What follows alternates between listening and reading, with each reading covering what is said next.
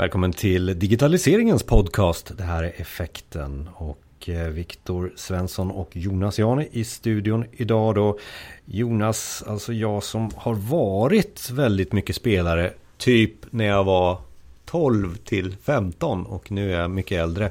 Eh, är ju fortfarande väldigt intresserad utav e-sport och vi ska med det här avsnittet försöka att vända och vrida lite på kanske inte eh, spelandet utifrån spelandets perspektiv utan kanske hela industrin e-sport. Eh, vi ska prata om är det en sport? Och Viktor, ska vi börja med att du får berätta lite vad är e-sport så vi liksom tar ner begreppet lite. Vad är vi? Vad är e-sport? Mm. E-sport är en förkortning utav elektronisk sport. Eh, och eh, det skulle man väl kunna säga är ett samlingsnamn egentligen för de eh, tävlingar som arrangeras inom olika datorspel och även konsolspel. Ja, för, för att det, det, är ju stora turneringar egentligen man kör. Förut när jag, när jag började så, så hade man ju nätverk, eller lanade man. Men nu har det blivit internet som har gjort att det här är miljoner som det handlar om när det är turneringar. Mm. Eh, och därav att egentligen det här begreppet e-sport har vuxit fram som, som ett begrepp. Mm, skulle jag vilja påstå i alla fall. Mm, ja absolut, det skulle jag med säga. Absolut. Och sen också att det finns en så stor eh, bredd också av, av, av, spel. Man kategoriserar dem precis som vanliga idrotter eller sporter. Så det, ja, kategoriserar man in dem i olika strategispel och det finns eh, FPS-spel som är sådana skjutspel kan man säga. Mm. Kortfattat. Och vi ska försöka navigera igenom lite spel här under, under det här då. Vi ska väl också säga att just när vi spelar in det här så pågår det en jättestor turnering. Dota 2 VM. Eh, och det är väl hundratals miljoner spelare som som, som följer det här eller spelar man själv eller hur, hur fungerar det där? Bara så vi tar lite kort mm. inblick i det här världen. Det här är The International som det heter, Dota 2 VM då som går i, i Shanghai i år. Eh, så står det 300 miljoner drygt på spel eh, och utöver det så, så följs ju det här såklart av ögon från hela världen och det är jag läste någon siffra om 400 miljoner personer som är aktiva liksom inom e-sport på ett eller annat sätt. Och även om inte alla tittar så, så är det garanterat över 100 miljoner. Så det, det, är lite sådär 100 miljoners tal beroende på det är pengar och även tittare egentligen som man kan mäta i 100 ja. miljoner. Eh, så om man plockar ner det, frågan var ju vad är e-sport? Är det något med här så vi, innan vi dyker lite djupare?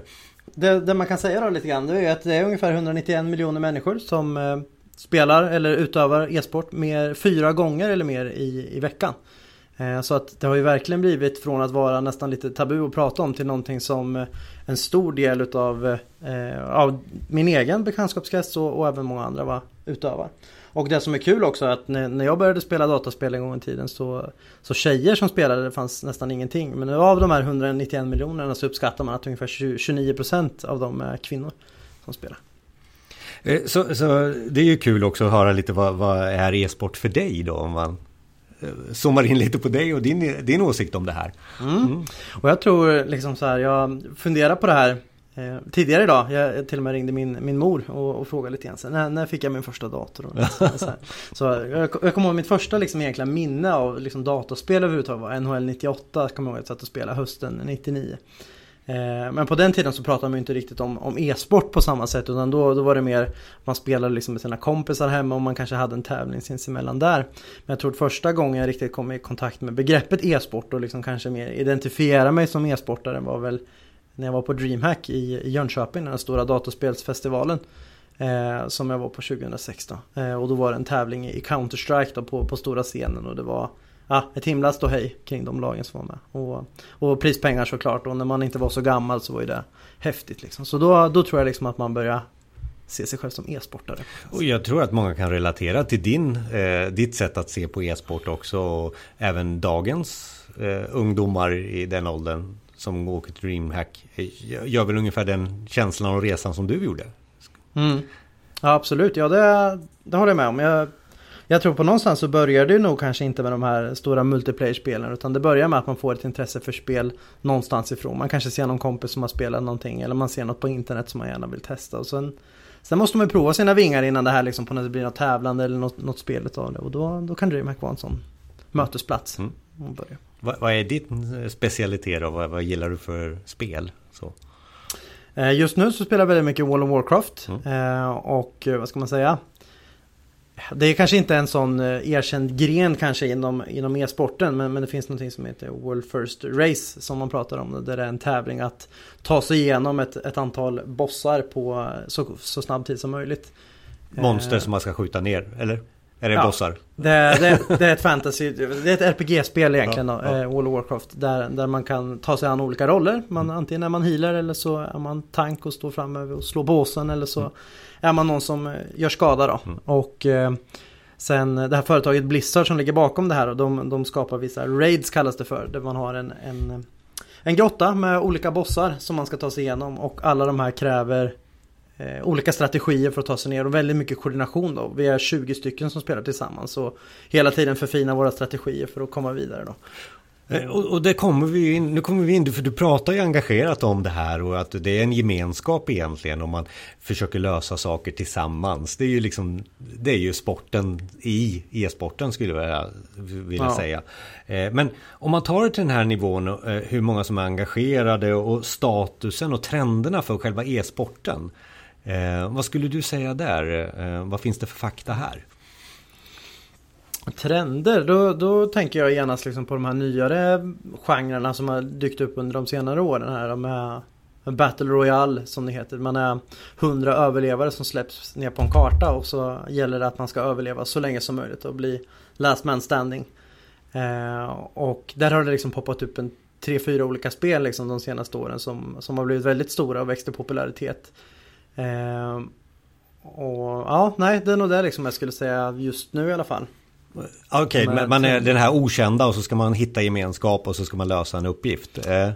Nej, i det, i det här faktiskt så, ja det går att tävla två mot två, fem mot fem och sådär också. Men, men vad jag förstår i alla fall, jag är inte personligt involverad i den genren så mycket. Men, eh, men som jag förstår det så är det, man, man är ensam och släpps ut på, på en karta. Sen är det ju ändå inte utan strategi utan alla de här olika spelen, även om de är lite olika så, så kräver de ju olika strategitänk för hur man ska eh, bli den sista killen eller tjejen som överlever då. Och vad ska man säga? Något som är generellt för de här spelen är att den kartan man är på den blir mindre och mindre och mindre på grund av att det är något gasmoln eller att det brinner någonstans. Och, och det gör ju liksom att i och med att kartan hela tiden då förändras hela tiden så gäller det att alltid ligga steget före. Var ska jag gå nu någonstans och var kommer mina motståndare ta sig in någonstans för att få slippa undan den här elden eller stormen. Så, så trenderna här utifrån vad man vill spela för typ av spel gör att det blir en miljardindustri runt omkring egentligen turneringar. Ja. Eh, så, och, och engagemanget att, att lösa problemen i spelen så snabbt som möjligt. Eller eh, kan man, kan man säga det så oftast? Eller? Nej, det, ja, det jag tänkte säga, det beror nog helt på vilken typ av, utav spel det är. Det finns ju så pass många olika genrer liksom. Och, ja, det är nog olika från spel till spel skulle jag säga. Vissa handlar om att vara listigast och överlista sin motståndare. Det som jag spelar World of Warcraft, det pratar vi om att vara snabbast. Så det, det skiljer sig från, från spel till spel. Men vad var det man tjänar pengar på? Vad tjänar man, alltså som individ, som e-sportare och som företag bakom spelen? Vad, vad är det de tjänar på? Vad, är det för, vad kommer pengarna ifrån? För de som spelar så är det framförallt från Priser som man får sina pengar ifrån. Om vi pratar den här Dota 2 turneringen här så jag tror det vinnande laget går ifrån med 15 miljoner dollar eh, som de ska dela på fem personer då. Sen är det klart att det finns sponsorer i det här som tar en del av kakan men man kan ju också gissa att de faktiskt bidrar eh, i bakgrunden också. Ibland med bostäder, det kan vara ja, inrättningar där man kan spela tillsammans, det kan vara ja, men datorutrustning och, och allt vad det nu är för någonting. Och för företagen bakom så är det här en marknadsföring. Det är klart att ska jag köpa några nya dataprylar och, och jag spelar CS väldigt mycket, Counter-Strike då. Så eh, då tittar jag ju på ja, men vad har proffsen, vad har de absolut bästa att titta på. Vad har de för möss, vad har de för tangentbord, vad har de för skärmar och vad har de för inställningar. Och sen försöker jag anamma så mycket jag kan av dem som möjligt för att bli så bra som möjligt. Så man kan säga att det, det som är det stora det är marknadsföringspengar egentligen från eh, hårdvaruindustrin runt omkring datorer och även spelföretagen då förstås som sponsrar mm. för att man ska köpa. Och, och pengarna går till spelarna och, och liksom hela turneringens mm. arrangemang. Men man tjänar kanske inte så mycket på För det här sänder man ju live också på nätet i kanaler som Twitch till exempel som är som mm. YouTube fast för bara spelstreaming. Mm. Eh, där känner man kanske inte den här jag vill titta på det här eh, med att betala för det. Det, det, har inte jag hört någonting Nej. eller? Man har testat lite sådana modeller inom Twitch-världen eh, med att ta betalt för matchen men på grund av att det här är så, så pass tillgängligt och det är så många som till, ja, streamar gratis mm. så, så finns det liksom ingen riktig marknad för det. Man har fått backa på de här grejerna och försöka hitta andra saker att tjäna pengar på. Och det är den största utmaningen för de här bolagen att i snitt så spenderar en e-sportstittare drygt 52 kronor per år eh, på e-sport. Vilket är, det är ju ingenting. Mm. Det är liksom inte ens en, en vanlig match om man tittar på fotboll eller hockey eller vad det kan vara. Så att det är ju här utmaningen ligger nu att ja, vi, vi, vi kan lyckas genom vår sponsring så kan vi få upp till 400 miljoner tittare då, kanske som tittar på, på Twitch eller på andra plattformar. Mm. Eh, men hur får vi dem att spendera pengar? Mm. Det är ju där frågorna ligger nu. Och är det väl där man tittar på, man tittar på aktiemarknaden när man ska köpa in aktier i sådana e-sportföretag mm. som till exempel svenska MTG. Mm. Eh, är det där utmaningen de jobbar med eller arrangerar de också turneringarna och tjänar pengarna på de här marknadsföringspengar? Eh. Ja, inte vad jag känner till faktiskt. Jag är inte så bevandrad eh, på just det området. Mm. Men, men jag skulle tro att det är, det är deras största liksom, fråga också. Att hur ska vi liksom ja, tjäna pengar på det här? Det, det tror jag. För att man har mer förs- pengar. Ja, mer pengar. Nya ja, idéer. För men, man tjänar ju pengar idag. Så, så. Ja, och trenden ja. går ändå uppåt till att, att man spenderar mer och mer. Jag läste 20% kanske. Jag läste mm. någonstans. Att man tror att den här marknaden ökar med år per år. Så att det är det finns pengar men det gäller bara på något sätt att hitta sätt att accelerera eh, det här. Och man har försökt med att sälja lagtröjor och, och sånt här då, precis som med vanliga traditionella lag. Men, men jag tror att man inte riktigt har, har lyckats på det stället för att, för att tittar vi på, på Linköpings hockeyklubb här i stan då bland annat så då har man en annan fysisk anknytning till det här laget. Men, men sitter mitt favoritlag i Kina eller i, i USA så är det väldigt lätt att ja, att kunna byta mellan olika lag och det känns inte som att jag behöver ha en sån anknytning till dem att jag måste ha en tröja från dem. Eh, och, ja, och, och, kulturen kanske ja. är att det ska vara gratis och lite så. Ja, precis. Alltså, och, och, man säljer ju inga Coca-Cola eller godis i samband med matcherna för det går ju till liksom våra mm. ICA och Hemköp och allt mm. vad det är. Liksom. Är det något mer så här som trender just nu så här som, som känns som att För nu tycker jag att vi har satt det här med att e-sport eh, är det big business och det drar oftast utifrån eh, olika typer av spel där man jobbar med olika sätt, eh, nätverkande egentligen. Man tycker det är kul att jobba i grupp om man skulle översätta det här. Eh, är det något mer som trendar? Är det någonting som sticker ut enligt dig? Jag skulle vilja säga det kanske att det är just Alltså det här tävlingsmomentet i det hela eh, också är en stor trend. Liksom. För titta på mig själv och min egen gemenskapskrets i alla fall så så när det kommer mycket nya häftiga spel med, med, bra grafik och sånt där som verkligen vi får testa våra datorer på så, så är det jättekul under en begränsad tid. Och sådana single player-spel där jag spelar helt ensam utan någon liksom interaktion med, med andra spelare så, så har det liksom en viss livslängd. Sen dör det spelet lite grann. Medan de här stora spelen som, som vi har pratat och varit inne på lite idag och som vi kommer att gå in på. De, de spelen har funnits ganska länge egentligen och överlevt väldigt länge. Men just på grund av det här tävlingsmomentet, att det är roligt att tävla. Så det är inte det här att det är nyhetens behag Nej. oftast utan det är eh, även det roliga runt tryggheten att jag kan spela ja. det, jag är duktig på det, jag behåller ja. kunskapen, färdigheten i ett gammalt Ja, men mm. så, så kan det också vara liksom att det är klart att det finns någon form av Alla de här spelen har ju någon form av rankingsystem som gör att det känns som att jag kommer framåt också. Ju mer spelare desto duktigare blir jag och jag får belöning för det liksom i, i takt med att jag får en ny häftig rank då som som jag kan skryta med. Så vilka spelare vi spelar då? Eh, jag har någon lista här och den är väl listad utifrån totala pengar men det kanske överensstämmer med mm. populärast också, eller? Uh, inte nödvändigtvis. Um, men det är bland de populäraste spelen. Och nummer ett är det här Dota, eller vad heter det egentligen? Det... Det heter Defense of the Ancients då Dota 2 för. Eh, och eh, var från början egentligen en, en mod, en eh, privatbyggd tillägg då för det här spelet Warcraft 3 som var populärt för, för många, många år sedan. Och ur det så föddes Dota då. Men vid någon viss tidpunkt runt millennieskiftet skulle jag tro. Så bröt man ut det här och skapade en Dota 2. Och, och, och, och prispengarna är ju enorma pengar. 1,7 Ja, miljarder. 1,7 miljarder. Ja. Ja, Har delats ut då sedan 2011 Elva, ja, när när första International hölls. ja okej. Ja. Eh, Den här listan handlar om, om eh, engagemang runt omkring det här. Bara för att ta mer exempel som, som man kanske har hört folk spela. Counter-Strike är ju någonting som jag har hört flera, flera år. Hur länge har de hållit på? Ja, det törs jag inte svara på. Ja. Det, det var väldigt länge sedan. Det, och det kommer ju öknen också från, ett, från en mod från ett spel som heter Half-Life från Mm. Ja, början. ja. Eh, som det föddes ur. Och eh, ganska enkel idé egentligen. Man har ett gäng terrorister och ett gäng, eh, ja en insatsstyrka som eh, ja, ska ha ihjäl varandra kan man kortfattat säga. Eh, där terroristernas uppdrag för det mesta inom e-sportscenen då handlar om att man ska plantera en bomb och spränga en, en bombplats. Eh, och det ska de här insatsstyrkan då försöka förhindra. Och sen då som sista egentligen exempel, vi kan gå igenom hela listan. Men, men det som jag är lite nyfiken på, det som många spelar nu som är yngre, eh, är Fortnite.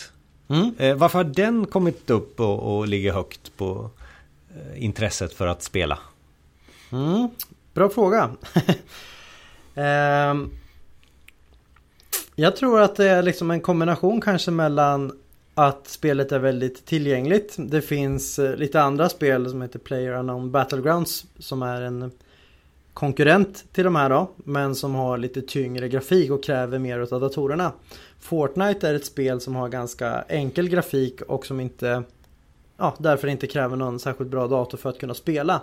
Så tillgängligheten på det här gör ju att fler människor har möjligheten att, att kunna spela. Det, det, jag håller nog med dig där med tillgänglighet och enkelheten. Men, men just att de har hittat en idé där, där man får köpa på en sån här, Det är gratis och sen så är det tillbehör bara man får betala pengar för också. Eh, Det är väl lite annorlunda, eller nu är jag där igen och kanske inte helt erfaren Att man bjuder på spelet väldigt mycket. Mm. Men så är det med båda just de här spelen som jag tog upp nu då och nog resten i den genren också. Att man, man bjuder på själva spelet och sen, sen säljer man eh, utsmyckningar egentligen för, för sina gubbar. Eh, och där kan man väl kanske säga att Fortnite är lite roligare också medan det här Player Unknown ska mer vara verklighetstroget och man, man köper lite olika färger på militärhjälmar och vad det nu kan vara för Mm. någonting så har Fortnite en lite mer lekfull inställning till det här. Man, man kan köpa joker-utrustningar, man kan ha ja, glada färger på sig, man kan ha någon mantel kanske, man kan ha simfötter på sig och det, det finns liksom lite Spex. Ja, ja, lite spex liksom Ja. som gör att det kanske också är mer tilltalande för en yngre publik. Eh, så att där har vi liksom eh, spelandet och vi har pratat om själva eh, affären runt omkring spelandet, de här turneringarna. Eh, så att om jag nu ska bli riktigt duktig på e-sport då, för att tjäna de här miljonerna. Mm. Det verkar ju inte så svårt, jag ska ju bara sitta och spela spel. Det är väl eh, som vanligt eh, 10 000 timmar så har jag blivit bra. Mm. Så, så tjänar jag några miljoner då, eller hur blir jag riktigt duktig på e-sport? Ja, det beror lite på var man är någonstans i sin resa men, men har man inte börjat än så, så tänkte jag säga för, för personer i våran ålder så tänkte jag nästan säga att det är för sent. eh, det, Varför då? Li, likt som med vanlig idrott så, så ja, lämnar man scenen när man är runt 30-35 år kanske. Och vad det beror på det, det har jag svårt att ge något, något bra svar på men det hör säkert ihop med att man, ja, man, man det händer andra saker i livet som, som kommer i vägen som klart men eh, men också skulle jag nog tro att det har mycket med, med reflexer och, och den typen av grejer att göra. Men, men, men ska man börja någonstans idag då, om man inte har hållit på sen tidigare, där, där får man nog, ja för det första försöka lista ut då vilken, vilken gren eller man ska säga vilken kategori av spel är, är för mig. Det finns ju en hel, vad ska man säga, jag vet inte hur vi ska, ska börja med det här ens, men om man kollar på Dota 2 då till exempel och League of Legends som hör till samma kategori. Så har man ett spel där med, med, med över 100 hjältar i varje spel. Och det finns över 100, kanske 200 olika föremål också som man kan bygga sin hjälte med. Och beroende på vad man köper för föremål och beroende på vilka andra hjältar jag har i mitt lag så blir det en helt unik uppsättning. Och det gör att ett sånt typ av spel är väldigt svårt att att komma in i. Eh, så att jag menar grunden här är ju på något sätt att lägga väldigt mycket tid på att spela bara för att lära sig själva grunderna i spelet. Sen när man är där då skulle man kunna ta hjälp av coacher, finns på nätet. Man kan betala för en PT-timme om man, om man så vill. Eh, för att på något sätt få en att bli av med lite dåliga vanor. Och sen kanske det viktigaste då att man hela tiden kontinuerligt tittar på sin egen prestation. Och kanske spelar in där man spelar för att utvärdera sig själv och, och ta sig själv till, till nästa nivå och se vad kan jag göra bättre. Det där är uh, jätteavancerat för mig. Som heter, jag trodde bara att man ska vara snabb på att klicka liksom. Ja. Men du lägger upp det som ja. att du måste veta, du måste ju kunna hela produkten. Uh, vad är det jag kan köpa, vad är det jag kan göra. Mm. Och sen hur är den smartaste vägen fram. Ja precis, mm. alltså, jag, jag, tänker så här om man skulle ta någon form av parallell då till vanlig sport här. Skulle en fotbollsspelare bara spela match till exempel, blir, blir man en bra fotbollsspelare då? Eh, det är klart att det är ett viktigt moment men vi måste träna kanske sprinter, vi måste träna passningar, vi måste träna liksom hur vi interagerar med varandra för att vi liksom ska, ska kunna spela liksom bättre och bättre. Eh, Ja, det är ju lite en crash course i det här e-sport för oss som, som kanske inte har drygt djupt som, som du sitter, anser jag då, i, i, i det här. Men är det någonting så här på slutet som vi har missat nu? Mm. En intressant sak som eh, är på tapeten är ju det här huruvida e-sport faktiskt kan betraktas som en idrott. Eh, eller inte. I Sverige så har vi inte kommit dit ännu, eh, ska jag säga. För man anser då att, att definitionen av en en idrott är att det ska vara fysiskt krävande. Eh, att det ska finnas ett, ett tävlingsmoment i det här och det ska vara, vara roligt och sådär. Och att det finns någon form av prestation i det hela. Det, det kan nog alla vara ganska överens om. Att ja, men man behöver lägga mycket tid, det finns mycket strategier och grejer i det här. Men sen är ju frågan då, är det här fysiskt krävande? Eh, och ska man säga, när jag växte upp med spel och sånt där då, då hade man ju den här nidbilden av att en, en gamer var liksom en person med tjock mage som käkade pizza och, och drack läsk liksom på helgerna medan man spelade. Medan om vi tar de här Dota-lagen då, de, de bor tillsammans och de spelar kanske 12 timmar per dag och, och eh, vad ska man säga, ska man orka med den påfrestningen och sen sitta på de här stora VMen när hela världen tittar på en eh, och kommer att, man kommer få höra sina misstag om man gör dem fel. Det betyder att man har en enorm press också på sig.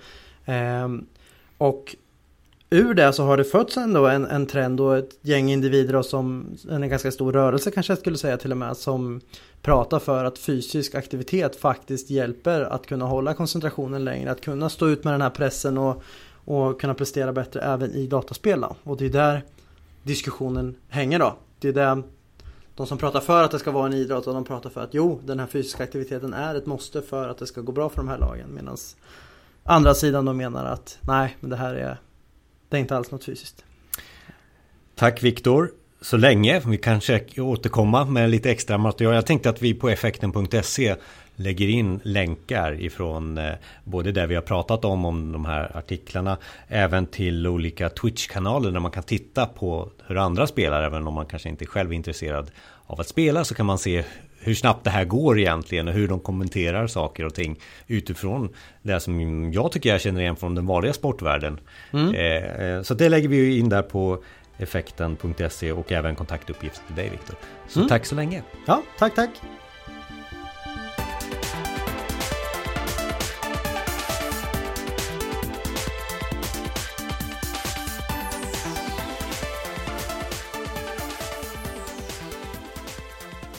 Och dela gärna med dig av det här avsnittet i dina sociala media och starta gärna en prenumeration om du inte redan har gjort det.